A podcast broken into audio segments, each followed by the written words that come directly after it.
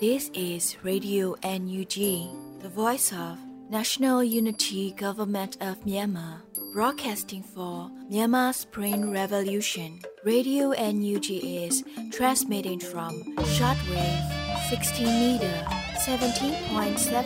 megahertz at 8:30 a.m. and 25 meter 11.94 megahertz at 8:30 p.m. Myanmar Standard Time. မင်္ဂလာပါရှင်။အမျိုးသားညီညွတ်ရေးအစိုးရရဲ့အတန်လွတ်ဌာန Radio NUG ကိုမန္တပိုင်း၈နိုင်ခွဲမှာလိုင်းတူ6မီတာ19.3ခွန်ကုန်းမဂါဟတ်စ်နဲ့ညပိုင်း၈နိုင်ခွဲမှာလိုင်းတူ25မီတာ17.3ကိုလီမဂါဟတ်စ်တို့မှာဓာတ်ရိုက်ဖမ်းယူနားဆင်နိုင်ပါပြီရှင်။မင်္ဂလာအပေါင်းနဲ့ပြည့်စုံကြပါစေ။အခုချိန်ကစပြီး Radio NUG စီစဉ်လေးကိုဓာတ်ရိုက်အတန်လွှင့်ပေးနေပါပြီ။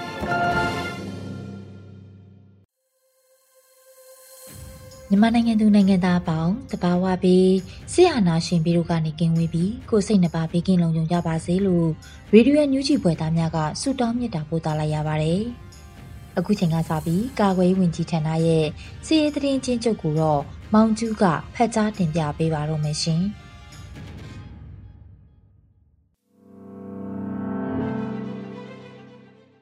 အမျိုးသားညီညွတ်ရေးအစိုးရကာဝယ်ရေးဝန်ကြီးဌာနကထုတ်ပြန်တဲ့နေ့စဉ်စီးရေးသတင်းချင်းချုပ်ကိုတင်ပြပါတော့မယ်ခင်ဗျာ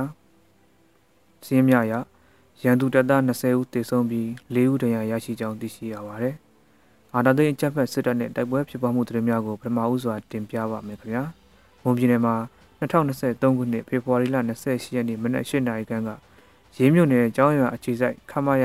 983တပ်ရင်းကို ရေးဘလူးအဖွဲ့ကဒရုန်းနဲ့ပုံကျဲတိုက်ခတ်ခဲ့ပြီးတပ်ရင်းတွဲရှိအဆောက်အုံနဲ့လိုင်းကမ်းများထိခိုက်မှုများရှိတော်လဲမြေပြင်အခြေအနေအရအတည်ပြုနိုင်ခြင်းမရှိသေးကြောင်းသိရှိရပါတယ်။ရှမ်းပြည်နယ်မှာဖေဖော်ဝါရီလ29ရက်နေ့ကဖေကုံမြို့နယ်ပြည်လုံးရွာမှာ KA KNDF PDF ပူးပေါင်းတပ်များနဲ့ရန်သူစစ်တပ်ပအိုးအမျိုးသားတပ်မတော် PNA တို့တိုက်ပွဲဖြစ်ပွားခဲ့ရာစစ်တပ်နဲ့ PNA ပူးပေါင်းအဖွဲ့တို့မှ9ဦးသေဆုံးကအချို့ဒဏ်ရာရရှိသွားပြီးဒေါ်လာရေးပူးပေါင်းတပ်ဖွဲ့မှစစ်တီတအုပ်ကြာဆုံး၍ ဒဏ်ရာအချို့ရရှိခဲ့ပြီး M16 3လက် AK တလက် 9mm 4လက်နဲ့ကြီးများတင်စီရရှိမိကြောင်းသိရှိရပါတယ်။မကွေးတိုင်းမှာဖေဖော်ဝါရီလ28ရက်နေ့မနက်8:30မိနစ်ခန့်ကစိတ်ပြမြို့နယ်အခြေပြုကပ္ပစ22မှာထွက်လာတဲ့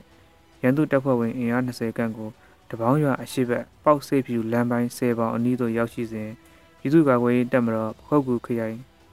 တရင်အမှတ်7ကဗေဒါမိုင်း6လုံးနဲ့မိုင်းဆွဲတိုက်ခိုက်ခဲ့တဲ့အတွက် ရန်သူတပ်ဖွဲ့ဝင်3ဦးသေဆုံးပြီးများစွာထိခိုက်ဒဏ်ရာရရှိခဲ့ကြောင်းသိရှိရပါတယ်။ဖေဖော်ဝါရီလ29ရက်နေ့ညနေ9:45မိနစ်ခန့်ကစိတ်ဖြူမြို့နယ်စောစိတ်ဖြူလမ်းပိုင်းသို့စစ်ကြောင်းဝင်ရောက်လာတဲ့ရန်သူတပ်ဖွဲ့ဝင်များကိုပြည်သူ့ကာကွယ်ရေးတပ်မတော်ဖုတ်ကူခရိုင်တရင်အမှတ်19စိတ်ဖြူဘာမဏီတက်ခွဲ1နဲ့စိတ်ဖြူဘာမဏီတက်ခွဲ2ကံကောခရိုင်တရင်အမှတ်3ကံကောခရိုင်တရင်အမှတ်6 6ပကဖပြူကြီးဖွဲ့တို့ကမိုင်းဆွဲတိုက်ခတ်ခဲ့တဲ့အတွက် ရန်သူတပ်ဖွဲ့ဝင်များစွာထိခိုက်ဒေဆုံးနိုင်ကြောင်းသိရှိရပါတယ်။မန္တလေးတိုင်းမှာဖေဖော်ဝါရီလ29ရက်နေ့မနက်၈နာရီခန့်ကဗရယာမြို့နယ်ကျွန်းပင်ကျေးရွာကိုနယ်မြေရှင်းလင်းရန်လာတဲ့ရန်သူအင်အား40ခန့်မှခြေလင်းစစ်ကြောင်းကိုဇာမနီပြည်သူ့ကာကွယ်ရေးတပ်ဒုထဝရီတော်လှန်ရေးတပ်ကောင်းကင်တော်လှန်ရေးအင်အားစုတပ်ခွဲတစ်တို့ကပူးပေါင်းပြီးဗရီဒါမိုင်း၃လုံးနဲ့ဖောက်ခွဲတိုက်ခတ်ခဲ့ရာရန်သူတပ်သား၄ဦးသေဆုံးပြီး2ဦးပြင်းထန်စွာဒဏ်ရာရရှိခဲ့ကြောင်းသိရှိရပါတယ်။ ဖေဖော်ဝါရီလ29ရက်နေ့မနက်10:00နာရီခန့်ကတောင်သာမြို့နယ်ရုံးစီကြီးနယ်မြေကန်ရဲစခန်းရဲ့လောက်ခံဖြစ်တဲ့ငွေတောင်ရဲကင်းစခန်းကိုမဟာမိတ်ဒေါ်လာရင်းအင်အားစုအဖွဲ့များကမိရှို့ဖျက်ဆီးခဲ့ကြောင်းသိရှိရပါတယ်။တမင်သာရီတိုင်းမှာဖေဖော်ဝါရီလ28ရက်နေ့ညနေ9:00နာရီခန့်ကဗုတ်ပြင်းမြို့နယ်ခမောက်ကြီးမြို့ဘက်မှရှမ်းကိုရွာရွာချင်းဆက်လန်ဖော့တုတ်ကျေးရွာနဲ့အေးချမ်းသာကျေးရွာကြားရှိနတ်မလွယ်တရားအနီးမှာဝိုင်းတင်းကျေးရွာဘက်သို့စစ်ကူသွားမိ အင်အား30ကျော်ပါရန်သူကား2စီးကိုပြည်သူ့ကာကွယ်ရေးအဖွဲ့များကမိုင်းဆွဲတိုက်ခိုက်ခဲ့ရာဗိုလ်မှူးတအုပ်နဲ့တပ်သားတအုပ်ထိခိုက်ဒဏ်ရာရရှိခဲ့ပါတယ်။ဖေဖော်ဝါရီလ29ရက်နေ့မနက်7:00နာရီခန့်ကဗုတ်ပြင်းမြို့နယ်ခမောက်ကြီးမြို့ဝိုင်းတင်းရွာအနီးတပ်ဆွဲထားတဲ့ရန်သူတပ်စခန်းကိုပြည်သူ့ကာကွယ်ရေးတပ်မတော်ကော်တောင်းခရိုင်အမှတ်1တရင်ပလဲစစ်ကြောင်းနဲ့ကော်တူလေးပူပေါင်းဖွဲ့တို့ကဝင်ရောက်တိုက်ခိုက်ခဲ့ပြီးနေ့လယ်တနာရီ30မိနစ်ခန့်ထိတိုက်ပွဲပြင်းထန်ခဲ့ပါတယ်။ တိုက်ပွဲတွင်ရန်သူတပ်သားလေးဦးသေဆုံးခဲ့သည်ကိုမျက်မြင်တွေ့ရှိခဲ့ပြီးပြည်သူ့ကာကွယ်ရေးတပ်မှရဲဘော်တအူဝမ်ဘိုက်ကြီးထိမှန်ခဲ့တော့လည်းမစိုးရိမ်ရကြောင်းသိရှိရပါတယ်။အာနာသိန်းကျပ်ဖက်စစ်တပ်ကကျူးလွန်တဲ့ရာဇမှုများအကြောင်းကိုဆက်လက်တင်ပြပါမယ်ခင်ဗျာ။ကရင်နီကရားပြည်နယ်မှာဖေဖော်ဝါရီလ29ရက်နေ့ကဒီမော့ဆုံမြို့နယ်အရှိတ်ချမ်းတွင်ရန်သူစစ်တပ်ကတိုက်ပွဲဖြစ်ပွားခြင်းမရှိဘဲလက်နက်ကြီး15လုံးကပစ်ခတ်မှုကြောင့် အသက်80ကျော်အမျိုးသားတအုပ်တေဆုံးပြီးပြည်သူ2ဦးထိခိုက်ဒဏ်ရာရရှိခဲ့ပါတယ်။ဖေဖော်ဝါရီလ29ရက်နေ့ညနေ9:45မိနစ်ခန့်မှ7:7မိနစ်ခန့်ထိဒီမော့ဆုံမြို့နယ်နောက်ဘက်ချမ်းမှာတိုက်ပွဲဖြစ်ပွားခြင်းမရှိဘဲရန်သူစစ်တပ်ကလက်နက်ကြီး6လုံးထိပစ်ခတ်မှုကြောင့်အသက်30ရွယ်အမျိုးသမီးတအုပ်တေဆုံးပြီးပြည်သူ2ဦးထိခိုက်ဒဏ်ရာရရှိခဲ့ပါတယ်။ရှမ်းပြည်နယ်မှာဖေဖော်ဝါရီလ28ရက်နေ့ညနေ4:30မိနစ်ခန့်ကပြ င်လောင်းမြို့နယ်တောင်မဲသင်းကြီးရွာကိုရန်သူစစ်တပ်ကလေကြောင်းတိုက်ခိုက်မှုပြုလုပ်ခဲ့ပါတယ်။ဖေဖော်ဝါရီလ29ရက်နေ့မနက်3:30နာရီ10မိနစ်ခန့်ကကွတ်ခိုင်မြို့နယ်တာမွန်းကျဲမြို့နောင်ဝဲရွာဖုန်ကြီးကျောင်းဝင်းတွင်သို့ရန်သူတပ်၏လက်နက်ကြီးကြားရောက်ပေါက်ကွဲခဲ့ပြီးဒေသခံကလေးငယ်တဦးဖြစ်တဲ့အသက်9နှစ်အရွယ်လွေးနန်းမွန်းနဲ့အသက်28နှစ်အရွယ်မိုင်းအိုင်ဟာတို့နှစ်ဦး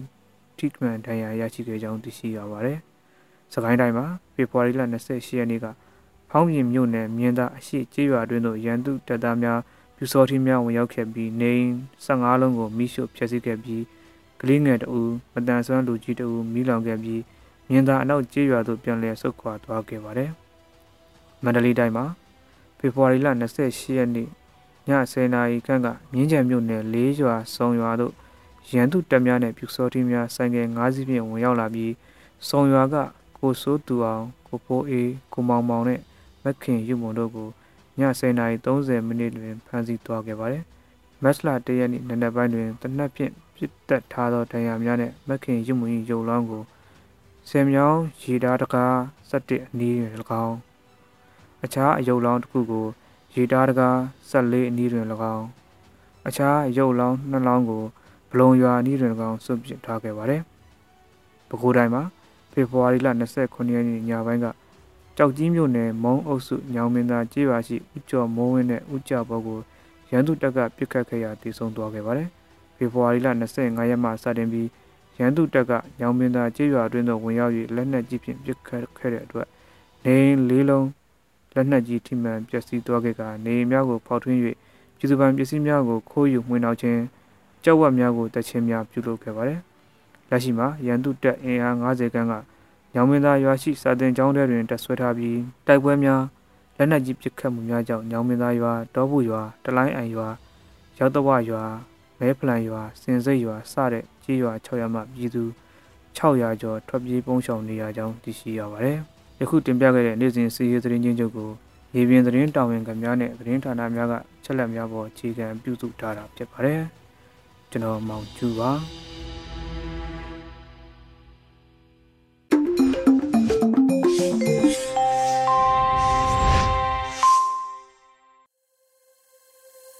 ရေဒီယိုညူချီရဲ့မနက်ခင်းစီစဉ်လေးကိုဆက်လက်ပြီးတန်လွှင့်ပေးနေပါတယ်။အခုဆက်လက်ပြီးနောက်ဆုံးရသတင်းများကိုတော့နှွေဦးမိုင်ကဖတ်ကြားတင်ပြပေးပါမယ်ရှင်။မင်္ဂလာပါရှင်။အခုချိန်ကစပြီး Radio UNG ရဲ့ Master 2ရက်နေ့ပြည်ရင်းသတင်းများကိုတင်ပြပေးပါရမယ်။ကျမຫນွေဦးမိုင်းပါ။ ပြည်သူလူထု၏ပျက်စီးဆုံးရှုံးခဲ့ရမှုများကိုအလဟတမဖြစ်စေရင်းနဲ့တော်လှန်ရေးအောင်မြင်စေရေးတို့အတွက်အမျိုးသားညီညွတ်ရေးအစိုးရအနေဖြင့်မမိတ်မတုံစ조사ဆောင်ရွက်နေတယ်လို့ယာယီသမရပြောကြားတဲ့သတင်းကိုဥစွာတင်ပြပေးပါမယ်။ပြည်သူလူထု၏ပျက်စီးဆုံးရှုံးခဲ့ရမှုများကိုအလဟတမဖြစ်စေရင်းနဲ့တော်လှန်ရေးအောင်မြင်စေရေးတို့အတွက်အမျိုးသားညီညွတ်ရေးအစိုးရအနေဖြင့်မမိတ်မတုံစ조사ဆောင်ရွက်နေတယ်လို့ယာယီသမရဒူဝါလရှိလာကပြောပါတယ်။ မတ်တာတရရက်နေ့ကျင်းပတဲ့စကိုင်းတိုင်းဒေသကြီးတတိယအကြိမ်လွှတ်တော်စည်းဝေးသို့ပေးပို့သည့်တဝန်လွှာမှာအမျိုးသားညီညွတ်ရေးအစိုးရယာယီသမရဒူဝါလရှိလာမှဆိုထားပါတယ်။2021ခုနှစ်တွင်ပြည်သူလူထု၏အာဏာအရရက်ကိုအကြမ်းဖက်စစ်အုပ်စုကအဓမ္မသိမ်းပရန်ကြိုးပမ်းပြီးနောက်ပိုင်းတွင်စကိုင်းတိုင်းသည်အကြမ်းဖက်စစ်အုပ်စု၏မျိုးစုံသောအနိုင်ကျင့်တိုက်ခိုက်ဖျက်ဆီးမှုများကိုအများဆုံးထိခိုက်ခံစားခဲ့ရသည့်ဒေသဖြစ်ခဲ့ရပြီး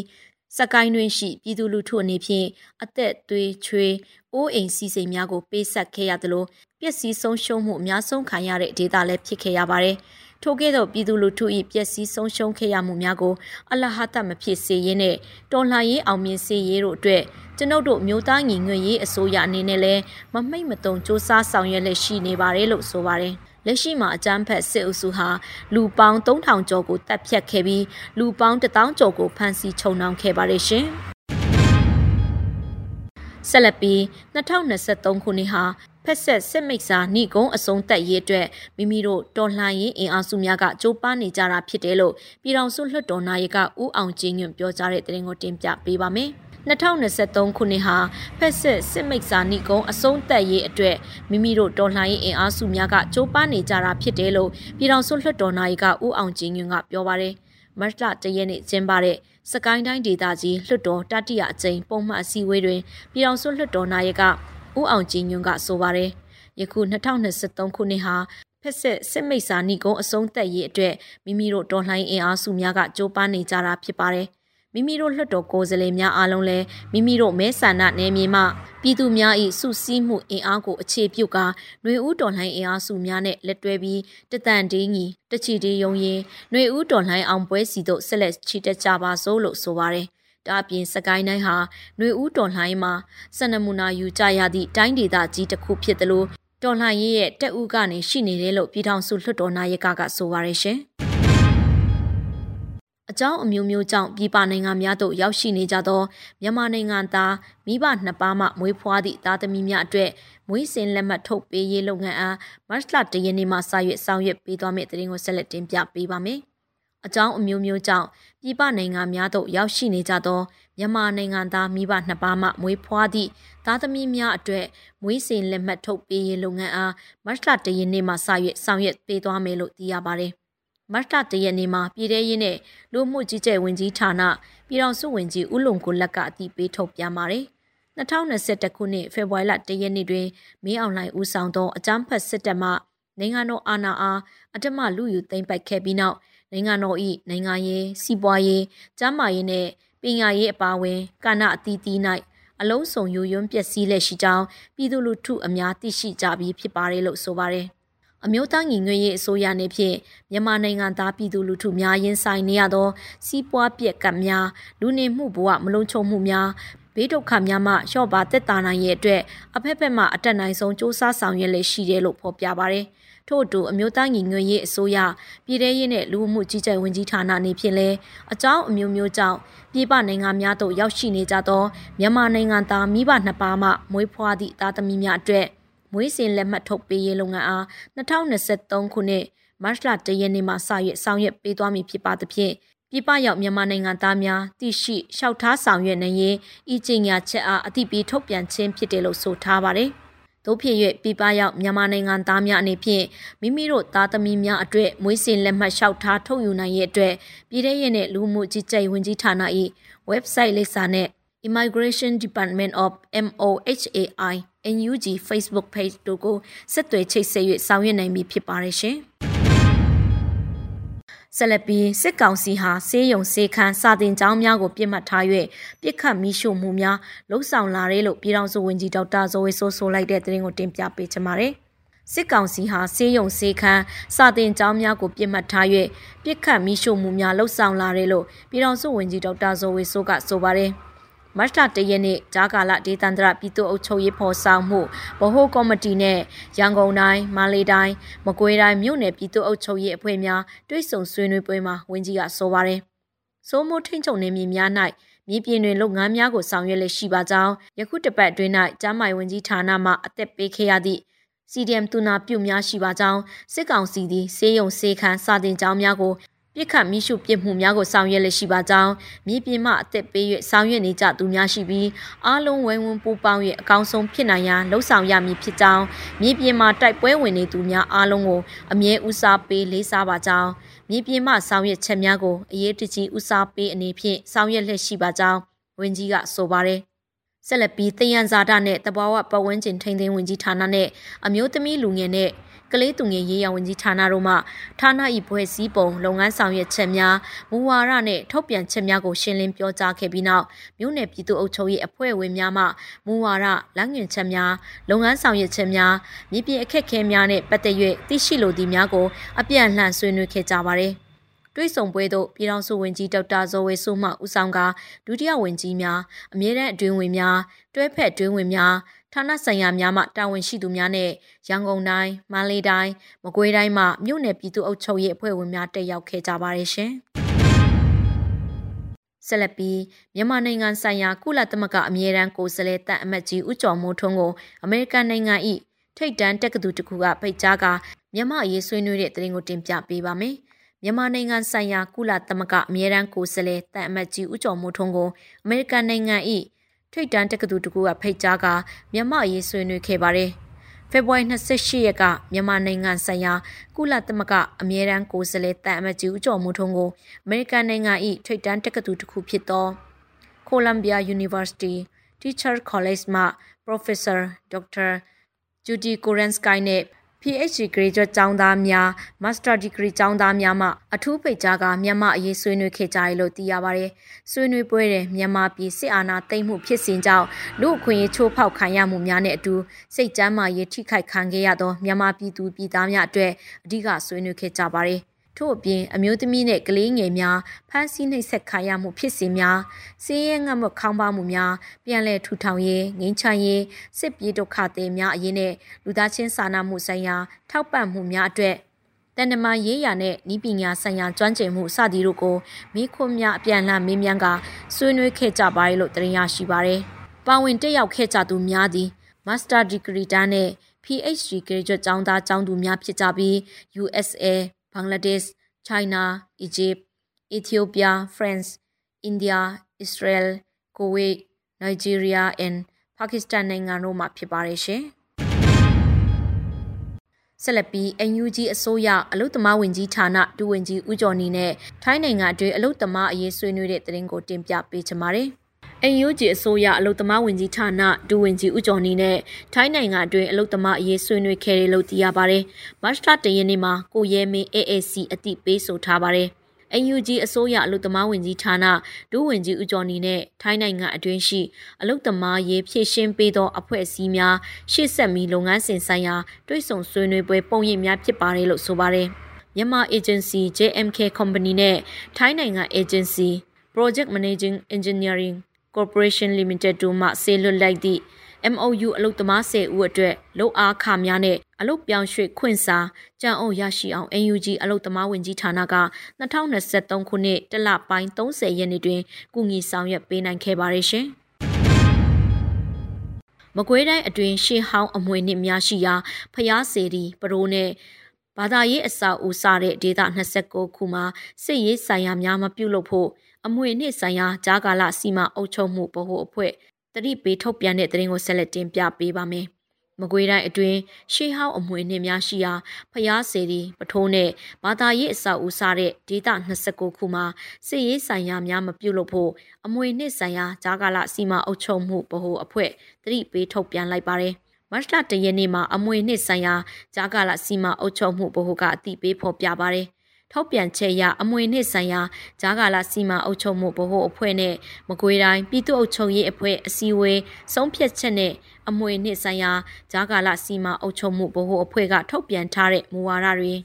ယဉ်ကျေးမှုအမွေနှစ်ဆိုင်ရာစံနှုန်းသတ်မှတ်ချက်တွေတဘာဝအမွေနှစ်ဆိုင်ရာစံနှုန်းသတ်မှတ်ချက်တွေနဲ့အညီဖော်ပြထားတဲ့ဒေတာနေရာ အဆောက်အုံတွေဂျာကာလအမွေနှစ်တွေကိုပထမအတုပ်သတ်မှတ်လိုက်တယ်လို့ဆိုထားပါတယ်တားမြစ်ချစ်အရဒေတာ29ခုကအထင်ကရသမိုင်းဝင်နေရာများဖြစ်တဲ့မဏိရဏစေရီမကွေးမြတ်တလွန်ဗလီကြီးရွာတဲ့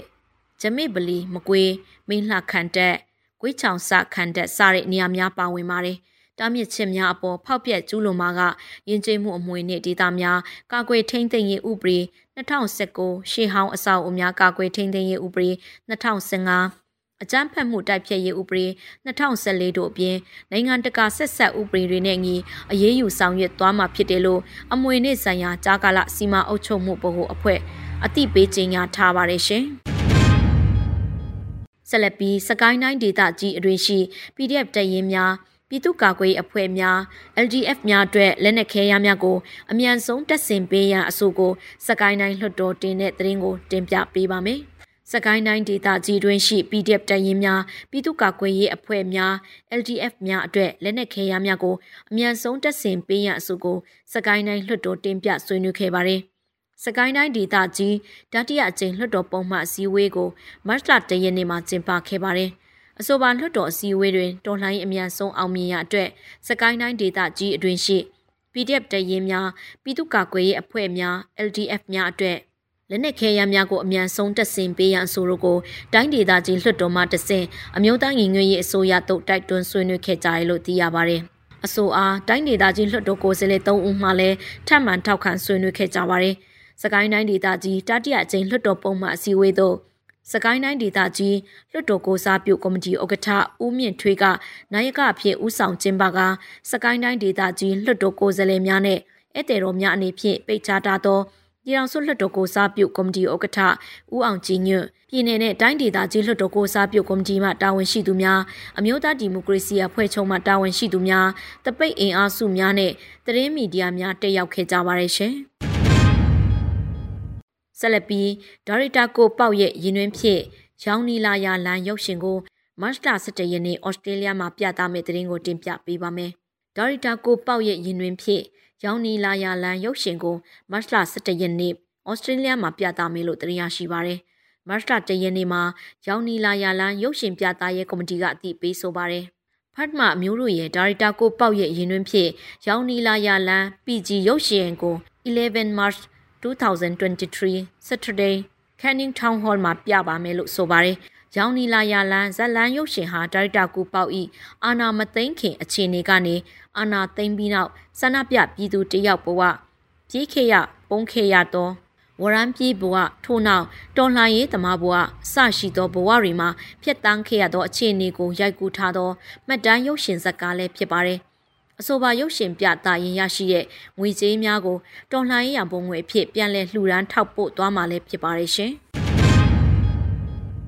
ရမပင်မြို့နယ်ကုန်းရွာကိုအကြမ်းဖက်စစ်တပ်ကနှစ်ရက်ခွဲ၍ရွာလုံးကျွတ်နီးပါမိရှုဖြစ်စည်းသွားတဲ့တရင်ကိုနောက်ဆုံးတင်ပြပေးပါမယ်။စကိုင်းတိုင်းရမပင်မြို့နယ်ကုန်းရွာကိုအကြမ်းဖက်စစ်တပ်ကနှစ်ရက်ခွဲ၍ရွာလုံးကျွတ်နီးပါမိရှုဖြစ်စည်းသွားခဲ့ပါတယ်။မတ်လတရက်နေ့မှာအကြမ်းဖက်စစ်တပ်ရဲ့မိရှုဖြစ်စည်းမှုကို မြောက်ရမပြည်သူ့ကာကွယ်တပ်ဖွဲ့ကတည်ပေးဆိုပါရယ်ရမပင်မြို့နယ်ကုန်းရွာကိုရန်သူစစ်ကောင်စီအုပ်စုကရမနေ့ညပိုင်းနဲ့မတ်လတရက်နေ့တွင်နှစ်ကြိမ်ခွဲ၍ရွာလုံးကျွတ်နီးပါမိရှုသွားခဲ့လို့ဆိုပါရယ်2023ခုနှစ်ဇန်နဝါရီလ31ရက်နေ့အထိစစ်တပ်နဲ့ဆက်ဆက်အဖွဲ့များကနိုင်ငံတော်ဝန်ရှိအရက်သားအင်ချေ95,484ခန်းကိုမိရှုဖျက်ဆီးခဲ့ပါတယ်။ထို့သောမိရှုဖျက်ဆီးရမှာစကိုင်းတိုင်းဒေသကြီးတွင် အိမ်ချေ43,292လုံးမကွေးတိုင်းဒေသကြီးတွင်8,863လုံးချင်းပြည်နယ်တွင်1484လုံးနဲ့အခြားပြည်နယ်နဲ့တိုင်းဒေသကြီးများတွင်အင်ချေ1845လုံးမီးလောင်ပျက်စီးခဲ့ရပါတယ်ရှင်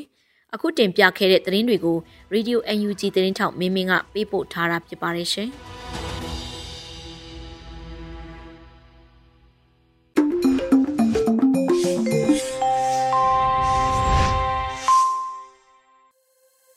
ဗီဒီယိုညူးချီကိုနားတော်တာဆင်နေတဲ့ပရိသတ်များရှင်အခုဆက်လက်ပြီးနားဆင်ကြရမှာကတော့ကာကွယ်ရေးဝန်ကြီးဌာနပြည်ထောင်စုဝန်ကြီးဦးရင်မွန်ရဲ့ PDF ရဲဘော်များတို့ပြောကြားချက်အပိုင်းဆက်တစ်ကိုနားဆင်ကြရတော့မှာဖြစ်ပါတယ်ရှင်ရဲဘော်တို့ပြီးခဲ့တဲ့ဖေဖော်ဝါရီလကတော့ PDF တက်မတော်အတွက်ဂုံယူစရာလတလဖြစ်ခဲ့တယ်ဒီလအတွင်းစစ်တိုင်းနဲ့စစ်ဒေသ၃ခုလုံးက PDF တပ်ရင်းများ ပကဖာများ LDF များလက်တွဲပါဝင်ပြီးတနိုင်ငံလုံးအတိုင်းအတာနဲ့တပြိုင်နက်တည်းဟန်ချက်ညီစစ်ဆင်မှုအကျဉ်80တိတိဖော်ဆောင်နိုင်ခဲ့ကြတယ်။တိုက်ပွဲဖော်ဆောင်ရာဒေသတွေကစကိုင်းတိုင်းမကွေးတိုင်းမန္တလေးတိုင်းရန်ကုန်တိုင်းပဲခူးတိုင်းနဲ့နေပြည်တော်တို့ဖြစ်တယ်။တိုက်ပွဲပေါင်း80နဲ့65ပွဲကိုတော့ 24နာရီတွင်တပြိုင်တည်းဟန်ရက်ညီဖော်ဆောင်နိုင်ခဲ့ကြတာဖြစ်တယ်။ဒီစစ်ဆင်မှုရဲ့ပြစ်မှတ်တွေထဲမှာရန်သူလေဒါစခန်းတစ်ခုနဲ့ရဟတ်ရင်ကွင်းတစ်ခုကပ္ပဆဆက်ယုံသုံးခုတိုင်းစစ်ဌာနချုပ်တစ်ခုနဲ့တပ်မဌာနချုပ်တစ်ခုရန်သူအထိုင်နဲ့နောက်တန်းစခန်း26ခုရဲစခန်း9ခုရန်သူစစ်ကြောင်း2ခုပြူစောတိစခန်း15ခုတို့ပါဝင်တယ်။တိုင်းဒေသများနည်းတူ ပြည်နယ်တွေမှာလည်းမဟာမိတ်တိုင်းရင်းသားတော်လှန်ရေးအဖွဲ့များနဲ့ PDF ရဲဘော်တွေလက်တွဲပြီးမြို့ပြစစ်ဆင်မှုနဲ့စခန်းသိမ်းစစ်ဆင်မှုများဟန်ချက်ညီဆောင်ရွက်ခဲ့ကြတယ်ဆိုတာလည်းအတိပေးလိုတယ်ဒီလို coordinated attack ဖော်ဆောင်နိုင်ခြင်းဟာ PDF တပ်မတော်ရဲ့စီရေးစွမ်းရည်နောက်တစ်ဆင့်တိုးတက်လာမှုကိုဖော်ပြတဲ့ပြရုပ်ဖြစ်တယ်ဒါဟာချင်းတော်ကွန်မန်ပူကောင်းအောင်တီဆောက်နိုင်မှုနဲ့ လက်နက်တိုးမြင့်တက်ဆင်နိုင်မှုရဲ့ရလတ်လို့လဲဆိုနိုင်တယ်ဒီစစ်ဆင်မှုကအကြမ်းဖက်စစ်ကောင်စီကို စိတ်ပိုင်းရောရုပ်ပိုင်းမှာအထိနာစေခဲ့သလို PDF တပ်မတော်ကိုလည်းအဆုံးဖြတ်နဲ့အဆုံးသတ်တိုက်ပွဲတွေဆင်နွှဲဖို့ယုံကြည်မှုပိုးပြီးတိုးပွားစေခဲ့တယ်လို့ငါတို့နားလည်တယ်ဒီလိုဟန်ချက်ညီဗျူဟာမြောက်စစ်ဆင်မှုကို ရှေ့မှာလဲအရှိန်ဟုန်မြင့်ပြီးဆောင်ရွက်သွားဖို့ရှိလိမ့်မယ် ငါတို့ရဲ့မဟာဗျူဟာကကွက်ပြေနင်းတဲ့ဗျူဟာဖြစ်တယ်ပြည်သူထောက်ခံပါဝင်တဲ့တော်လန်ရေးဖြစ်တဲ့အားလျော်စွာတနိုင်ငံလုံးအကြားလတ်မရှိအင်အားတီဆောက်ပြီးအကြားလတ်မရှိတိုက်ပွဲဝင်ကြဖို့ဖြစ်တယ်ဒါသည်ပင်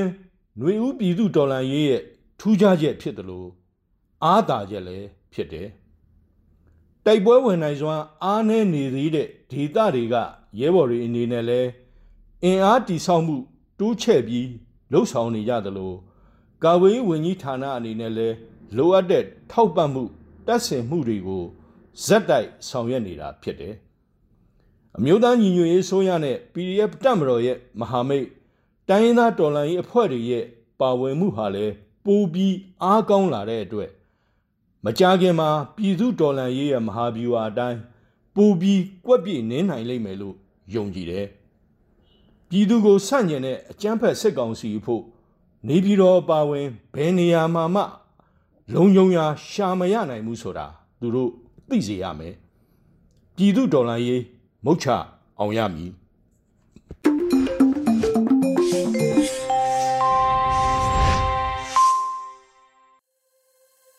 ရေဒီယိုညူဂျီကိုနားတော်တာဆင်နေတဲ့ပရိသတ်များရှင်အခုနောက်ဆုံးအနေနဲ့ PPTV ရဲ့နေ့စဉ်သတင်းများကိုတော့ ထက်ထက်အိန္ဒြာအောင်ကဖတ်ကြားတင်ပြပေးပါတော့မယ်ရှင်အခုချိန်ကစပြီး PPTV သတင်းတွေကိုတင်ဆက်ပြီးတော့မှာပါကျွန်မထက်ထက်အိန္ဒြာအောင်ပါ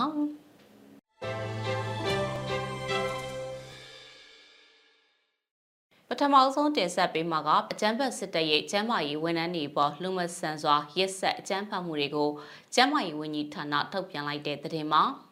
အာနာသိမ့်ပြီးနှစ်နှစ်အတွင်းကျန်းမာရေးဝန်ထမ်း80ဦးခန့်တပ်ဖြတ်ခံရပြီး900ဦးခန့်ဖမ်းဆီးခံထားတယ်လို့ကျန်းမာရေးဝန်ထမ်းတွေအပေါ်လူမဆန်စွာရက်ဆက်အကြမ်းဖက်မှုတွေကိုအမျိုးသားညီညွတ်ရေးအစိုးရကျန်းမာရေးဝန်ကြီးဌာနကမနေ့ကရက်စွဲနဲ့ထုတ်ပြန်လိုက်ပါတယ်။အကြမ်းဖက်စစ်တပ်ကကျမ်းမာရေးဝန်ထမ်း980ဦးကျော်ကိုထိခိုက်ဒဏ်ရာရရှိအောင်လုပ်ခဲ့တဲ့ပြင်တနိုင်ငံလုံးကစေယုံစီကံ160ကျော်ကိုဖျက်ဆီးကျူးလွန်ခဲ့တာပါ ပြီးခဲ့တဲ့နှစ်လအတွင်းကလည်းစကိုင်းတိုင်းမကွေးတိုင်းပဲခူးတိုင်းနဲ့ချင်းပြည်နယ်ကကျမ်းမာရေးဝန်ထမ်းတွေနဲ့စေယုံစီကံတွေကိုအ धिक ပြစ်မှတ်ထားတပ်ဖြတ်မှုတွေပြုလုပ်ခဲ့ပါတယ်။အကြမ်းဖက်စစ်တပ်ရဲ့အဆွေအဆောင်လုပ်ရက်တွေထဲမှာပဲခူးတိုင်းဒေသကြီးအုပ်ဖို့မြို့နယ်အေးမြတာယာတိုက်နေစေုံမှစီရီယန်တနာပြုဆီယာမဒေါ်မီဆွန်မိုကိုဖမ်းဆီးခေါ်ဆောင်ခဲ့ပြီးတော့စစ်ကြောရေးမှာနှိပ်စက်ခဲ့ပါတယ်။ ဒါ့အပြင်အုပ်ဖို့မြို့နယ်ထမ်းမင်ကုန်းကျေးရွာအနီးမှာအကြမ်းဖက်စစ်တပ်ကတနာပြုဆီယာမဒေါ်မီဆွန်မိုကိုမရင်းကျင်တပ်ဖြတ်ပစ်ခဲ့တာပါ။အကြမ်းဖက်စစ်ကောင်စီကကျမ်းမာရေးကဏ္ဍအပေါ်ရည်ရွယ်ချက်ရှိရှိပြစ်မှတ်ထားပြီးတော့အကြမ်းဖက်တိုက်ခိုက်နေခြင်းဟာ Geneva Convention ကမ္ဘာကုလသမဂ္ဂလုံခြုံရေးကောင်စီဆုံးဖြတ်ချက်တွေနိုင်ငံတကာဥပဒေတွေနဲ့ပြည်တွင်းဥပဒေတွေကိုပြောင်းပြောင်းတင်းတင်းချိုးဖောက်နေတာဖြစ်ပါတယ်။ မြို့သားညွေရေးအစိုးရကျန်းမာရေးဝန်ကြီးဌာနအနေနဲ့အပြစ်မဲ့ကြဆောင်ခဲ့ရသူတွေအတွက်တရားမျှတမှုကိုမဖြစ်မနေပြန်လည်ရယူပေးမယ်လို့လည်းကတိပြုထုတ်ပြန်ထားပါတယ်။ဒီကနေ့ကတော့ဒီညနေပဲ Radio NUG ရဲ့အစီအစဉ်လေးကို ခေတ္တရနာလိုက်ပါမယ်ရှင်မြန်မာစံတော်ချိန်မနေ့၈နိုင်ခွဲနဲ့ည၈နိုင်ခွဲအချိန်တွေမှာပြောင်းလဲဆိုပြကြပါလို့ရှင် Radio NUG ကိုမနေ့ပိုင်း၈နိုင်ခွဲမှာလိုင်းတူ16မီတာ19တက်တမခု9 MHz နဲ့ညပိုင်း၈နိုင်ခွဲမှာလိုင်းတူ25မီတာ17.6 MHz တို့မှာဓာတ်ရိုက်ဖမ်းယူနာဆင်နိုင်ပါပြီရှင်။ မြန်မာနိုင်ငံသူနိုင်ငံသားများကိုစိတ်နှပြချမ်းမာချမ်းသာလို့ဘေးကင်းလုံခြုံကြပါစေလို့ Radio NUG ရဲ့ဖွဲ့သူဖွဲ့သားများကဆုတောင်းလိုက်ရပါတယ်။ San Francisco Bay Area အခြေဆိုင်မြန်မာမိသားစုများနိုင်ငံတကာကစေတနာရှင်များလို့အားပေးများရဲ့ Radio NUG ဖြစ်ပါတယ်ရှင်။အရေးတော်ပုံအောင်ရမည်